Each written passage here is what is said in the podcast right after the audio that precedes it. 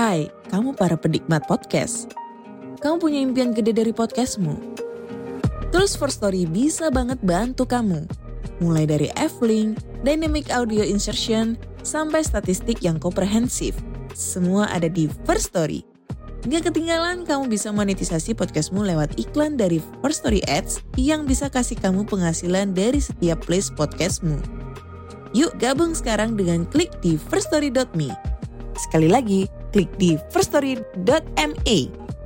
Mari kita bawa mimpi podcastingmu menjadi kenyataan. Yuk dukung kami untuk menghadirkan konten terbaik dengan subscribe dan dengerin lewat YouTube juga. Link channel YouTube Podcast Cerita Sejarah Islam ada di kolom deskripsi ya. Yuk dukung kami untuk menghadirkan konten terbaik dengan subscribe dan dengerin lewat YouTube juga.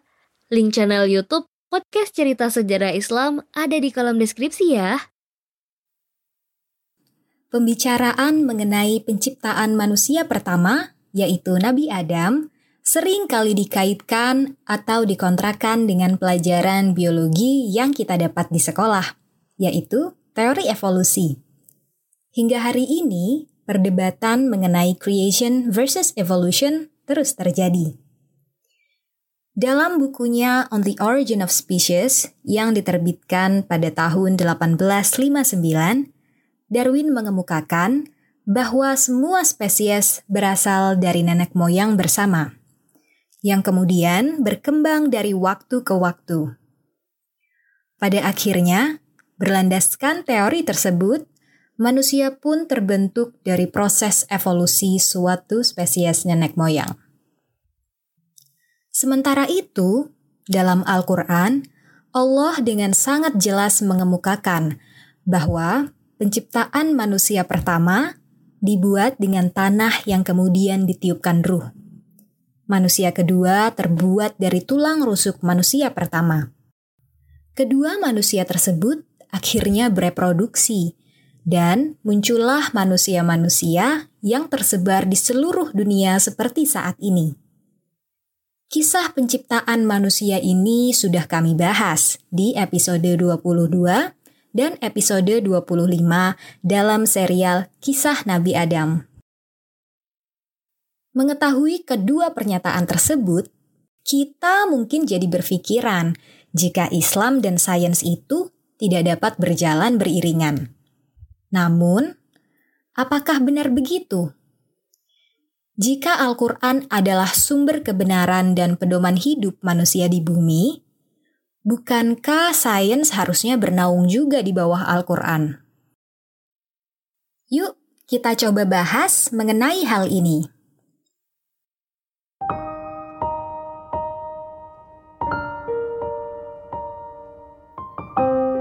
Halo teman-teman, apa kabar nih? Semoga teman-teman belum bosan ya bahas tentang serial kisah Nabi Adam. Kali ini saya, Ide Indah, bakal ngebawain materi yang sangat menarik, yaitu tentang teori evolusi. Sebenarnya, membahas mengenai teori evolusi Darwin versus penciptaan Nabi Adam tergolong berat buat kami. Di internet, khususnya di Indonesia, gak banyak penjelasan mengenai teori ini yang dibahas dengan lebih ilmiah. Beberapa waktu lalu, kami pernah mengobrol dengan seseorang mengenai materi ini.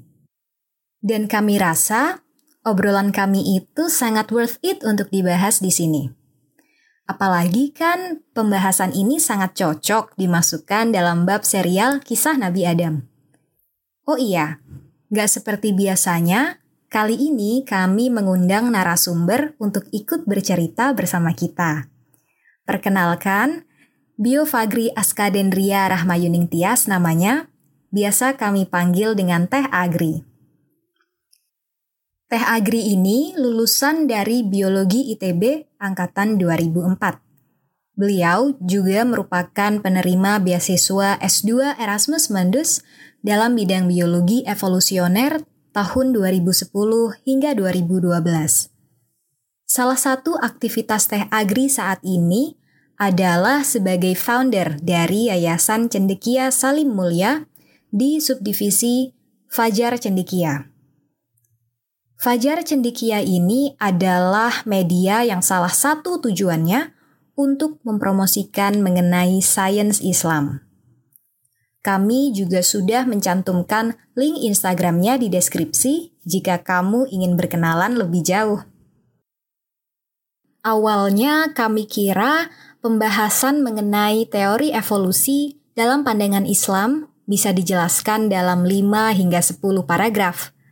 Tapi anggapan kami keliru total karena ternyata Teh Agri memberikan banyak cerita latar belakang. Kata Teh Agri sih agar pemahaman mengenai materi ini gak setengah-setengah. Jadinya, sebelum masuk ke inti pembahasan mengenai teori evolusi, kita akan membahas mengenai pandangan sains dalam Islam terlebih dahulu ya. Yuk, langsung aja kita simak penjelasan dari Teh Agri. Assalamualaikum warahmatullahi wabarakatuh. Halo semuanya. Obrolan soal penciptaan manusia pertama, kalau dikaitkan dengan teori evolusi itu adalah sesuatu yang sangat menarik ya. Sebagai seorang muslim, defaultnya itu adalah mudah bagi kita untuk meyakini kebenaran ayat-ayat Allah. Termasuk ketika Allah berfirman bahwa Nabi Adam diciptakan dari tanah liat kering yang berasal dari lumpur hitam yang diberi bentuk. Kalau kita mau ambil pemaknaan ayat tersebut secara literal pun, itu tidak jadi masalah bagi kita karena kita yakin akan kebesaran Allah. Ketika Allah mengatakan kun fayakun, jadilah maka jadilah ia, maka sesuatu bisa terjadi sesuai kehendak Allah tanpa ada asal-usul, tanpa melewati sebuah proses tertentu. Nah, lalu kemudian kita mendengar mengenai teori evolusi. Mungkin pertama kali di pelajaran sekolah ya. Secara umum, bagi yang tidak terlalu tertarik dengan ilmu biologi atau ilmu alam, pelajaran mengenai teori evolusi ini akan lewat begitu saja. Mungkin responnya akan, oh iya ya, ini ya teori yang bilang manusia itu dari kera ya. Ngapain sih belajar yang gini, nggak sesuai dengan Quran pula. Intinya mah nggak terlalu peduli lah ya. Nah tapi berbeda dengan orang-orang yang memang mendalami ilmu biologi atau dia seorang science enthusiast atau dia senang mempelajari sains ya. Nah sedikit banyak pasti akan lebih kepikiran. Karena apa?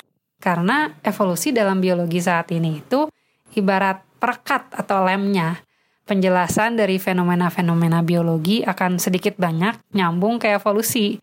Bahkan sampai ada tokoh biologi yang bilang bahwa nothing in biology makes sense except in the light of evolution. Atau nggak ada yang masuk akal di biologi kecuali kalau dilihat dari kacamata evolusi. Pernyataan nothing in biology makes sense except in the light of evolution datang dari Theodosius Dobzhansky pada tahun 1993. Dalam esainya, ia mengemukakan bahwa evolusi adalah fenomena sentral. Sehingga, jika ada pemahaman dalam biologi yang tidak masuk akal jika dikaitkan dengan evolusi, maka hal tersebut menjadi hal yang meragukan. Nah, gimana nggak kepikiran kan? Gimana nggak penasaran untuk melihat lebih dalam ada apa sih dengan teori evolusi ini sampai-sampai kok perannya sesentral itu di biologi. Nah tapi biasanya kalau dia seorang muslim suka muncul dilema karena biasanya lagi di belakang otak sudah tertanam bahwa teori evolusi itu tidak sesuai dengan Quran. Nah tapi dari sini aja buat yang suka sama biologi atau memang mempelajari biologi sudah itu ya dia berada dalam posisi yang sulit karena apa? Karena kan harusnya nih kita cari ilmu pengennya ibadah, pengennya tambah dekat kepada Allah, pengennya Allah ridho sama kita. Lah ini yang dipelajari biologi misalnya. Kok evolusinya dibahas-bahas terus padahal kita kan taunya evolusi nggak sesuai dengan Quran. Terus jadikan pertanyaannya, ya terus ngapain kita belajar ini? Nah terus muncul pertanyaan berikutnya. Emang iya evolusi nggak sesuai dengan Quran? Selama ini kan baru katanya-katanya aja.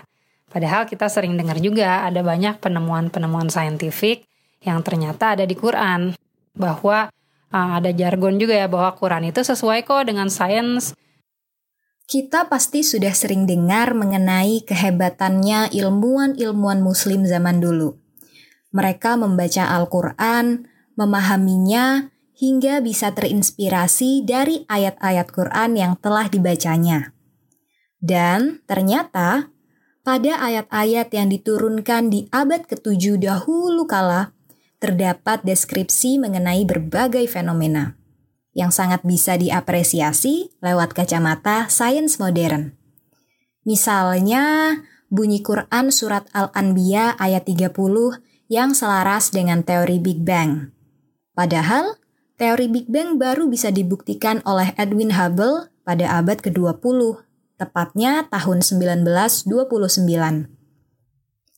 Dalam Quran surat Al-Anbiya ayat 30, Allah berfirman, Dan apakah orang-orang kafir tidak mengetahui bahwa langit dan bumi keduanya dahulunya menyatu. Kemudian kami pisahkan antara keduanya, dan kami jadikan segala sesuatu yang hidup berasal dari air. Maka, mengapa mereka tidak beriman? Ayat tersebut selaras dengan hasil penelitian Edwin Hubble yang menyatakan bahwa alam semesta terbentuk dari satu materi panas yang kemudian mengalami ledakan besar hingga menjadi berkeping-keping. Dari sanalah kehidupan mulai berkembang. Dan di ayat tersebut Allah menyebutkan bahwa segala sesuatu yang hidup berasal dari air. Nah, teman-teman, tahu nggak kalau salah satu patokan untuk menemukan planet yang berada di habitable zone atau zona layak huni di luar angkasa sana adalah keberadaan air loh. Air mutlak dibutuhkan agar kehidupan dapat berjalan. Ada lagi nih, penelitian tentang perkembangan janin dalam rahim yang ternyata juga selaras dengan Quran Surat Al-Mu'minun ayat 12 hingga 14. Padahal, perkembangan janin baru mulai bisa diteliti lebih detail pada abad ke-17 ketika mikroskop telah ditemukan. Bahkan, pada abad ke-20, tepatnya tahun 1981, seorang ilmuwan yang bahkan bukan seorang muslim takjub dan mengakui keajaiban Quran surat Al-Mu'minun tersebut. Beliau adalah Keith Leon Moore, yang merupakan seorang profesor di Divisi Anatomi Fakultas Bedah di Universitas Toronto, Kanada. Selama tiga tahun, Profesor Moore bekerja bersama Komite Embriologi di Universitas King Abdulaziz. Beliau diminta untuk membantu menafsirkan ayat-ayat tertentu dalam Al-Quran dan hadis tentang reproduksi manusia dan perkembangan embriologi. Setelah melakukan penelitian, beliau takjub hingga mengatakan perkataan seperti ini sangat menyenangkan bagi saya untuk membantu mengklarifikasi beberapa pernyataan dalam Al-Quran tentang perkembangan manusia. Jelas bagi saya bahwa pernyataan-pernyataan ini pasti datang kepada Muhammad dari Tuhan. Karena hampir semua pengetahuan ini tidak ditemukan sampai beberapa abad kemudian. Ini membuktikan kepada saya bahwa Muhammad pastilah seorang utusan Allah. Selain kedua penelitian tersebut, masih banyak lagi ayat-ayat Quran yang sesuai dengan penemuan-penemuan sains yang kita manfaatkan hingga hari ini. Nah, setelah membahas penelitian sains tentang ayat Al-Quran, yuk kita balik lagi ke pembahasan teori evolusi. Tadi, Teh Agri nyebutin kalau menurut Theodosius Dobzhansky, evolusi itu merupakan hal penting dalam ilmu biologi. Tapi kok bisa sih? Evolusi sendiri malah sering dikontrakan dengan Al-Quran? Nah tapi kalau sesuai dengan sains, kenapa kok nggak sesuai dengan evolusi? Bukannya evolusi juga sains. Terus jadinya Quran itu sesuai dengan sains atau nggak sesuai sih? Nah, sebelum membahas tentang evolusi itu gimana dalam pandangan Islam, di podcast kali ini kita bahas dulu ya mengenai pertanyaan tentang Quran atau Islam itu sesuai dengan sains atau nggak sesuai sih? Kalau sesuai, kenapa masih ada pertentangan atau pemisahan-pemisahan antara Quran dengan sains? Suka dengar mungkin ya teman-teman Uh, orang bilang Quran ya Quran, sains ya sains. Kalau belajar sains jangan bawa-bawa Quran deh, jangan bawa-bawa agama deh. Jadi seolah-olah antara sains atau ilmu pengetahuan secara umum dengan Islam itu seperti minyak dan air, nggak nyatu gitu. Nah coba kita lihat dulu ya, kalau pandangan Islam sendiri tentang ilmu itu gimana sih? Di dalam surat Al-Fatir, surat ke-35 ayat 28, Allah berfirman, A'udzubillahiminasyaitonirrajim, Bismillahirrahmanirrahim. Di antara hamba-hamba yang takut kepadanya hanyalah para ulama. Sesungguhnya Allah maha perkasa lagi maha pengampun. Perhatikan di situ ada kata ulama. Kita tahu kata ilmu, uh, kita tahu alim, kita tahu ulama. Itu semua dari uh, komponen huruf yang sama, yaitu ain, lam, dan mim. Jadi ulama itu apa? Ulama itu adalah orang yang berilmu. Dari ayat ini kita bisa lihat bahwa menjadi orang yang berilmu itu adalah sesuatu yang baik. Karena apa? Karena dengan berilmu itu seharusnya seseorang menjadi takut kepada Allah. Kata ulama dalam konteks ayat tersebut adalah orang yang memahami dan mendalami tentang hukum-hukum kehidupan di alam semesta.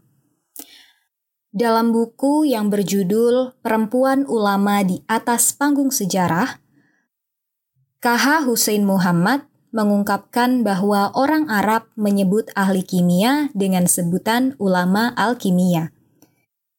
Sementara untuk ahli matematika disebut dengan ulama ar-riyadiyat.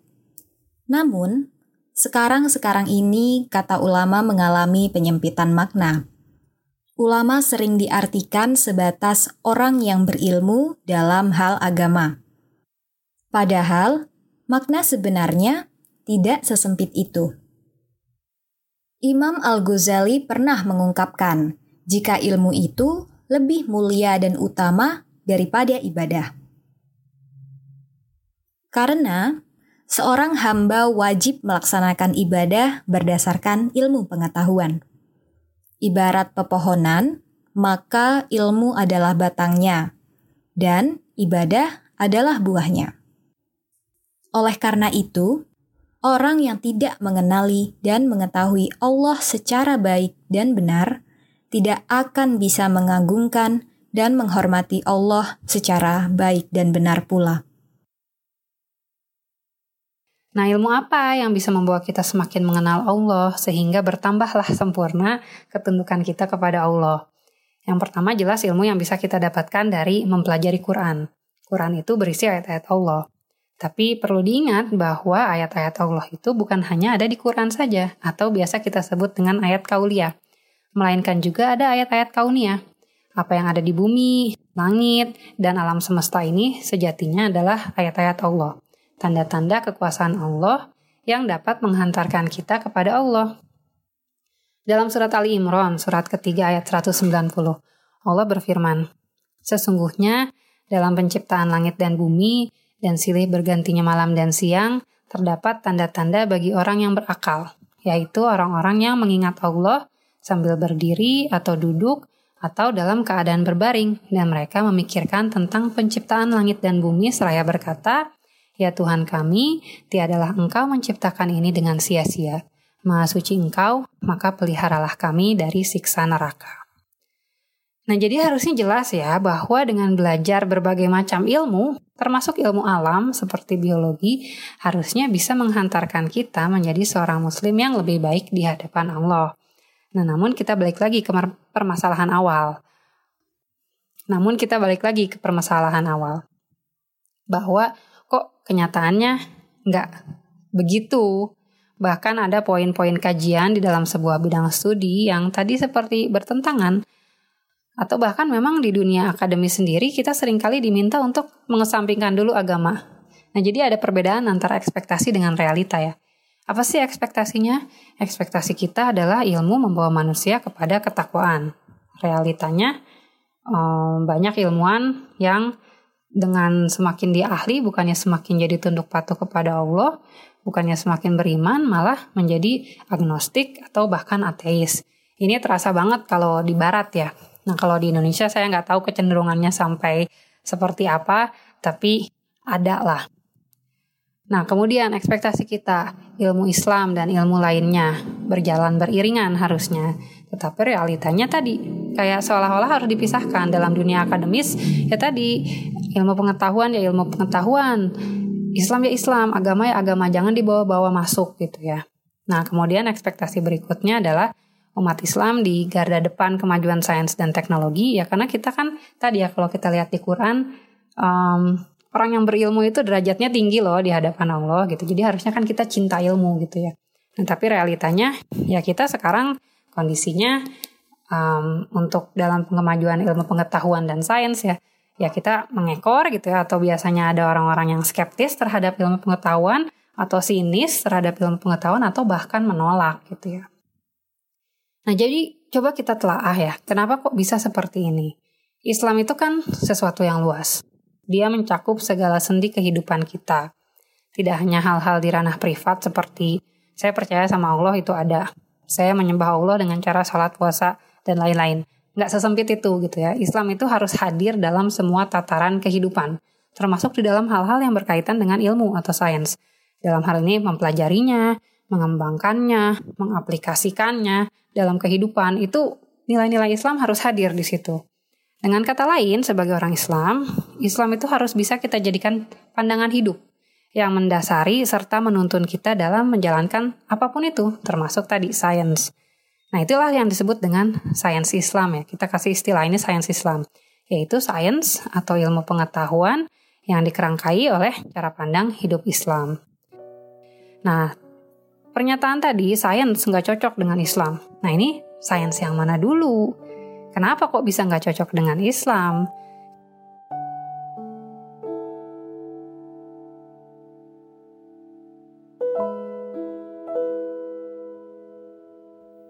Hayo, kira-kira kenapa ya ada sebutan kalau sains tuh gak cocok sama Islam? Padahal udah jelas dalam Al-Quran bahwa Allah banyak menyebut tentang sains dan pentingnya menuntut ilmu. Biar nggak kepanjangan dan nggak makin pusing, kita jeda dulu di sini ya pembahasannya. Pembahasan mengenai serial penciptaan Nabi Adam versus teori evolusi bakal dilanjutkan di episode 34. Tentunya masih bersama Teh Agri. Jangan lupa disimak karena pembahasannya sangat berkaitan. Oh iya, kamu juga bisa mengulik mengenai sains dan Islam lebih dalam lagi lewat majalah Fajar Cendekia. Majalah Fajar Cendekia ini digagas oleh Teh Agri dan tim. Tentunya, pembahasannya diulik dengan lebih ilmiah. Link website dan Instagramnya sudah kami cantumkan di deskripsi. Tanpa berlama-lama lagi, sekian dan terima kasih. Sampai jumpa lagi di serial penciptaan Nabi Adam versus teori evolusi bagian kedua, tentunya di podcast Cerita Sejarah Islam. Wassalamualaikum warahmatullahi wabarakatuh. Pembicaraan mengenai penciptaan manusia pertama yaitu Nabi Adam, sering kali dikaitkan atau dikontrakan dengan pelajaran biologi yang kita dapat di sekolah, yaitu teori evolusi. Hingga hari ini, perdebatan mengenai creation versus evolution terus terjadi. Dalam bukunya On the Origin of Species yang diterbitkan pada tahun 1859, Darwin mengemukakan bahwa semua spesies berasal dari nenek moyang bersama, yang kemudian berkembang dari waktu ke waktu. Pada akhirnya, berlandaskan teori tersebut, manusia pun terbentuk dari proses evolusi suatu spesies nenek moyang.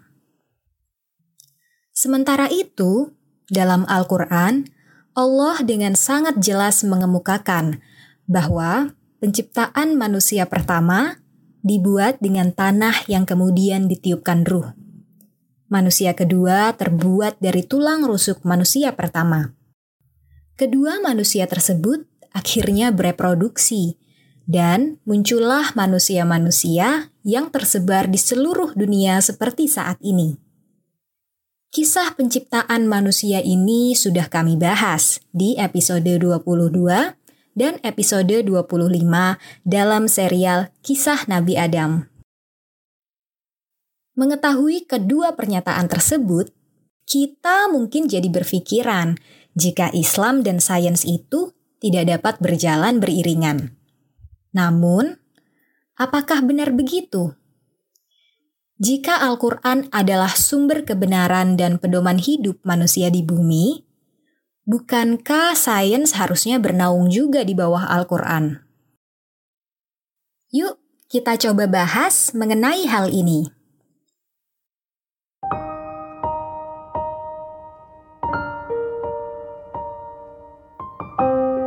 Halo teman-teman, apa kabar nih? Semoga teman-teman belum bosan ya bahas tentang serial kisah Nabi Adam. Kali ini, saya Ide Indah bakal ngebawain materi yang sangat menarik, yaitu tentang teori evolusi. Sebenarnya, membahas mengenai teori evolusi Darwin versus penciptaan Nabi Adam tergolong berat buat kami. Di internet, khususnya di Indonesia, gak banyak penjelasan mengenai teori ini yang dibahas dengan lebih ilmiah. Beberapa waktu lalu, kami pernah mengobrol dengan seseorang mengenai materi ini. Dan kami rasa obrolan kami itu sangat worth it untuk dibahas di sini. Apalagi kan pembahasan ini sangat cocok dimasukkan dalam bab serial kisah Nabi Adam. Oh iya, Gak seperti biasanya, kali ini kami mengundang narasumber untuk ikut bercerita bersama kita. Perkenalkan, Bio Fagri Askadendria Rahmayuning Tias namanya, biasa kami panggil dengan Teh Agri. Teh Agri ini lulusan dari Biologi ITB angkatan 2004. Beliau juga merupakan penerima beasiswa S2 Erasmus Mundus dalam bidang biologi evolusioner tahun 2010 hingga 2012. Salah satu aktivitas Teh Agri saat ini adalah sebagai founder dari Yayasan Cendekia Salim Mulia di subdivisi Fajar Cendekia. Fajar Cendekia ini adalah media yang salah satu tujuannya untuk mempromosikan mengenai sains Islam. Kami juga sudah mencantumkan link Instagramnya di deskripsi jika kamu ingin berkenalan lebih jauh. Awalnya kami kira pembahasan mengenai teori evolusi dalam pandangan Islam bisa dijelaskan dalam 5 hingga 10 paragraf.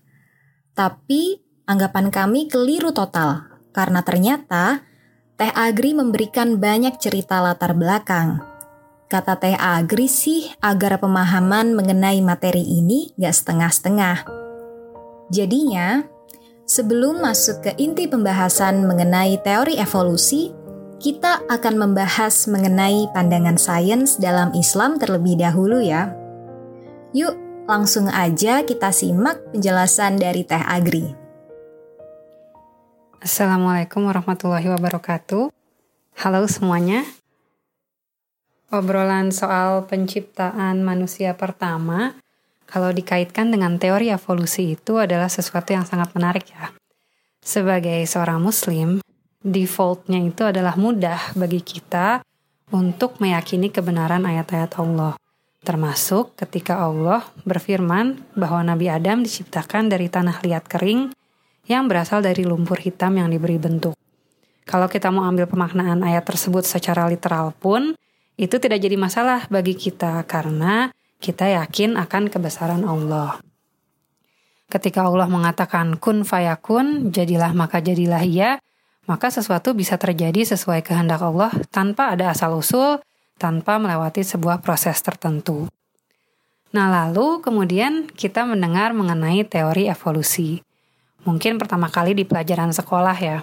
Secara umum bagi yang tidak terlalu tertarik dengan ilmu biologi atau ilmu alam, pelajaran mengenai teori evolusi ini akan lewat begitu saja. Mungkin responnya akan, oh iya ya ini ya teori yang bilang manusia itu dari kera ya. Ngapain sih belajar yang gini, nggak sesuai dengan Quran pula. Intinya mah nggak terlalu peduli lah ya. Nah tapi berbeda dengan orang-orang yang memang mendalami ilmu biologi, atau dia seorang science enthusiast atau dia senang mempelajari sains ya. Nah, sedikit banyak pasti akan lebih kepikiran. Karena apa? Karena evolusi dalam biologi saat ini itu ibarat perekat atau lemnya. Penjelasan dari fenomena-fenomena biologi akan sedikit banyak nyambung ke evolusi. Bahkan sampai ada tokoh biologi yang bilang bahwa nothing in biology makes sense except in the light of evolution. Atau nggak ada yang masuk akal di biologi kecuali kalau dilihat dari kacamata evolusi. Pernyataan nothing in biology makes sense except in the light of evolution datang dari Theodosius Dobzhansky pada tahun 1993. Dalam esainya, ia mengemukakan bahwa evolusi adalah fenomena sentral. Sehingga, jika ada pemahaman dalam biologi yang tidak masuk akal jika dikaitkan dengan evolusi, maka hal tersebut menjadi hal yang meragukan. Nah, gimana nggak kepikiran kan? Gimana nggak penasaran untuk melihat lebih dalam ada apa sih dengan teori evolusi ini sampai-sampai kok perannya sesentral itu di biologi. Nah tapi biasanya kalau dia seorang muslim suka muncul dilema karena biasanya lagi di belakang otak sudah tertanam bahwa teori evolusi itu tidak sesuai dengan Quran. Nah tapi dari sini aja buat yang suka sama biologi atau memang mempelajari biologi sudah itu ya dia berada dalam posisi yang sulit karena apa? Karena kan harusnya nih kita cari ilmu pengennya ibadah, pengennya tambah dekat kepada Allah, pengennya Allah ridho sama kita. Lah ini yang dipelajari biologi misalnya. Kok evolusinya dibahas-bahas terus padahal kita kan taunya evolusi nggak sesuai dengan Quran. Terus jadi kan pertanyaannya, ya terus ngapain kita belajar ini? Nah terus muncul pertanyaan berikutnya. Emang iya evolusi nggak sesuai dengan Quran? Selama ini kan baru katanya-katanya aja. Padahal kita sering dengar juga ada banyak penemuan-penemuan saintifik yang ternyata ada di Quran. Bahwa uh, ada jargon juga ya bahwa Quran itu sesuai kok dengan sains. Kita pasti sudah sering dengar mengenai kehebatannya ilmuwan-ilmuwan muslim zaman dulu. Mereka membaca Al-Quran, memahaminya, hingga bisa terinspirasi dari ayat-ayat Quran yang telah dibacanya. Dan ternyata pada ayat-ayat yang diturunkan di abad ke-7 dahulu kala terdapat deskripsi mengenai berbagai fenomena yang sangat bisa diapresiasi lewat kacamata sains modern. Misalnya, bunyi Quran surat Al-Anbiya ayat 30 yang selaras dengan teori Big Bang. Padahal, teori Big Bang baru bisa dibuktikan oleh Edwin Hubble pada abad ke-20 tepatnya tahun 1929. Dalam Quran Surat Al-Anbiya ayat 30, Allah berfirman, Dan apakah orang-orang kafir tidak mengetahui bahwa langit dan bumi keduanya dahulunya menyatu? Kemudian kami pisahkan antara keduanya, dan kami jadikan segala sesuatu yang hidup berasal dari air. Maka, mengapa mereka tidak beriman?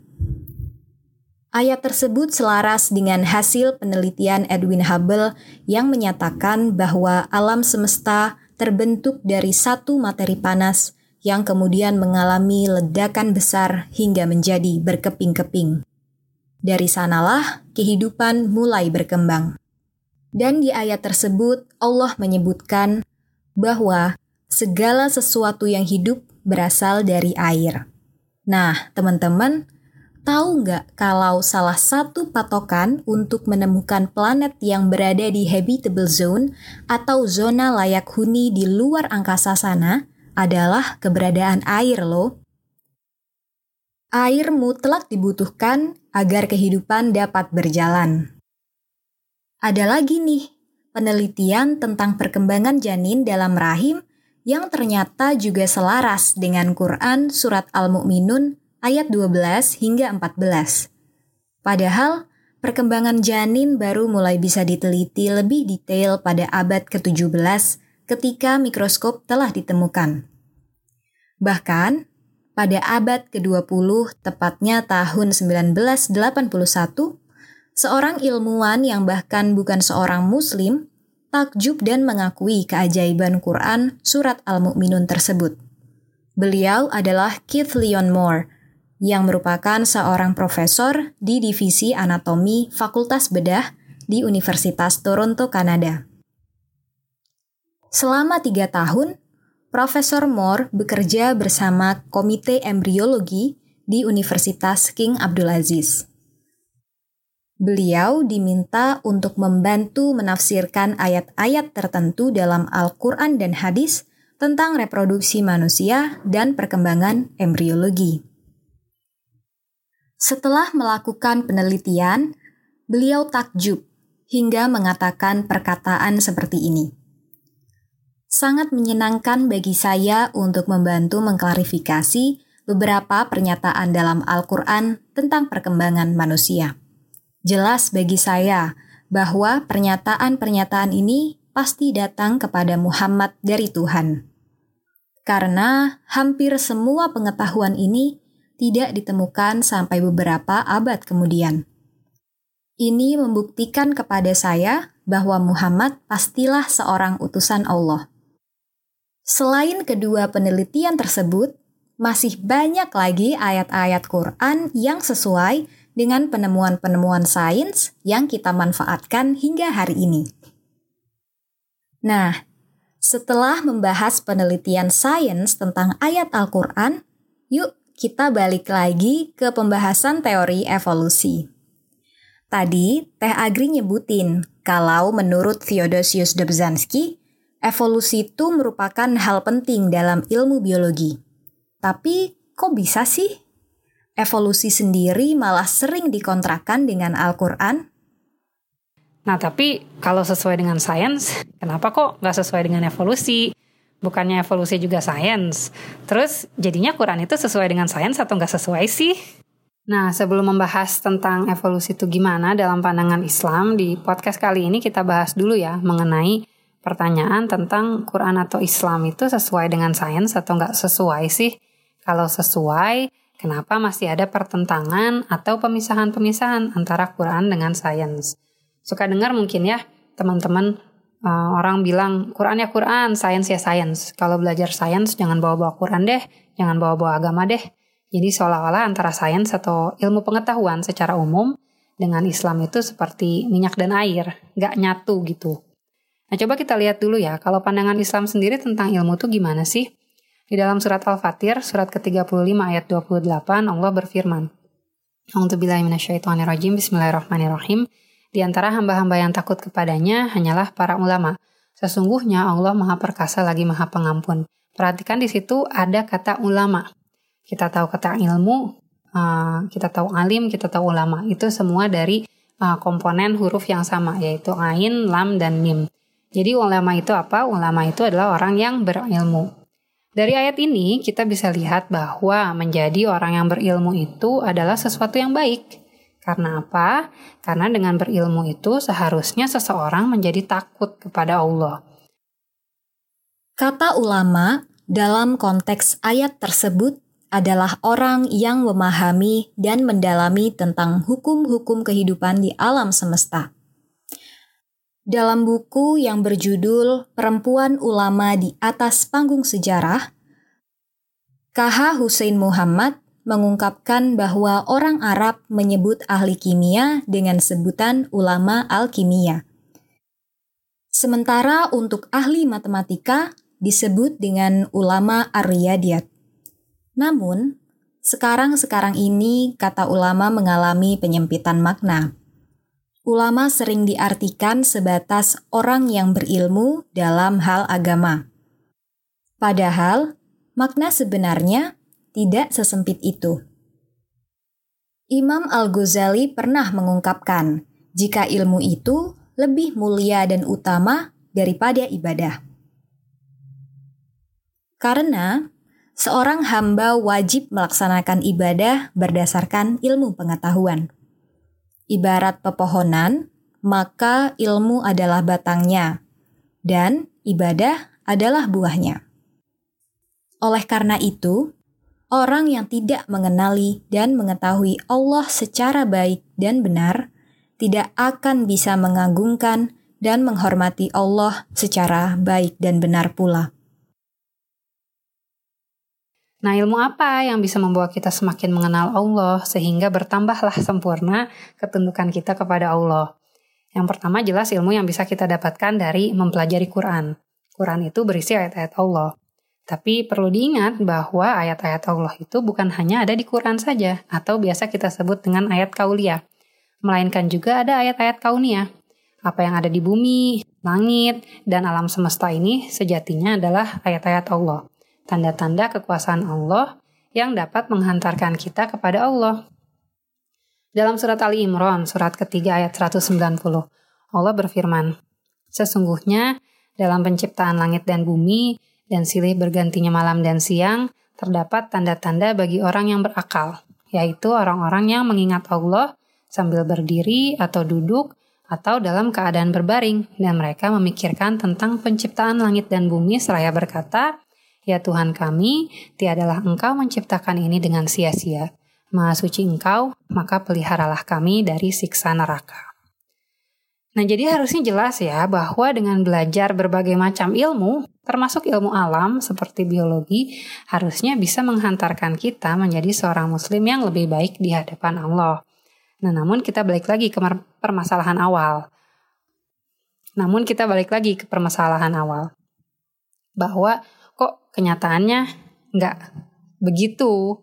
Bahkan ada poin-poin kajian di dalam sebuah bidang studi yang tadi seperti bertentangan atau bahkan memang di dunia akademis sendiri kita sering kali diminta untuk mengesampingkan dulu agama. Nah, jadi ada perbedaan antara ekspektasi dengan realita ya. Apa sih ekspektasinya? Ekspektasi kita adalah ilmu membawa manusia kepada ketakwaan.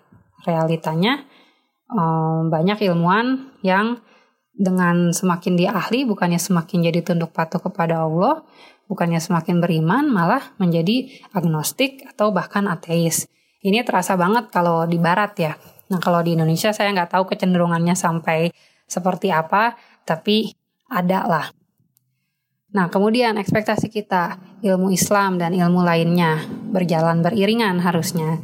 Tetapi realitanya tadi kayak seolah-olah harus dipisahkan dalam dunia akademis ya tadi ilmu pengetahuan ya ilmu pengetahuan Islam ya Islam, agama ya agama, jangan dibawa-bawa masuk gitu ya. Nah, kemudian ekspektasi berikutnya adalah umat Islam di garda depan kemajuan sains dan teknologi ya karena kita kan tadi ya kalau kita lihat di Quran um, orang yang berilmu itu derajatnya tinggi loh di hadapan Allah gitu. Jadi harusnya kan kita cinta ilmu gitu ya.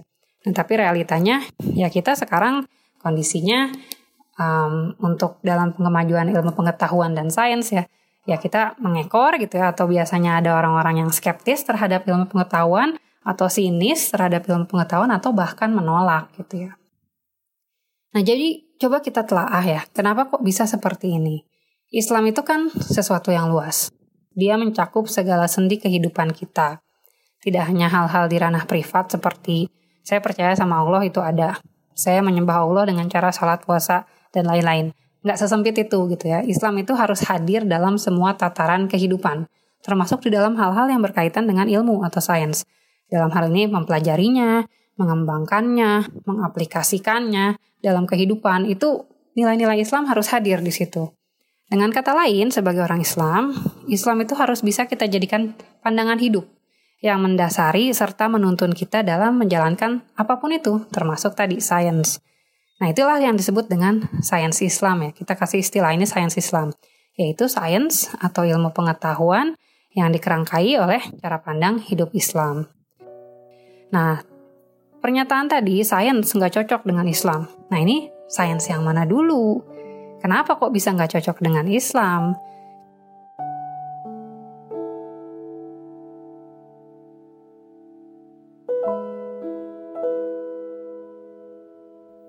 Hayo, kira-kira kenapa ya ada sebutan kalau sains tuh nggak cocok sama Islam? Padahal udah jelas dalam Al-Quran bahwa Allah banyak menyebut tentang sains dan pentingnya menuntut ilmu. Biar nggak kepanjangan dan nggak makin pusing, kita jeda dulu di sini ya pembahasannya. Pembahasan mengenai serial penciptaan Nabi Adam versus teori evolusi bakal dilanjutkan di episode 34. Tentunya masih bersama Teh Agri. Jangan lupa disimak karena pembahasannya sangat berkaitan. Oh iya, kamu juga bisa mengulik mengenai sains dan Islam lebih dalam lagi lewat majalah Fajar Cendekia. Majalah Fajar Cendekia ini digagas oleh Teh Agri dan tim. Tentunya, pembahasannya diulik dengan lebih ilmiah. Link website dan Instagramnya sudah kami cantumkan di deskripsi. Tanpa berlama-lama lagi, sekian dan terima kasih. Sampai jumpa lagi di serial penciptaan Nabi Adam versus teori evolusi bagian kedua, tentunya di podcast Cerita Sejarah Islam. Wassalamualaikum warahmatullahi wabarakatuh.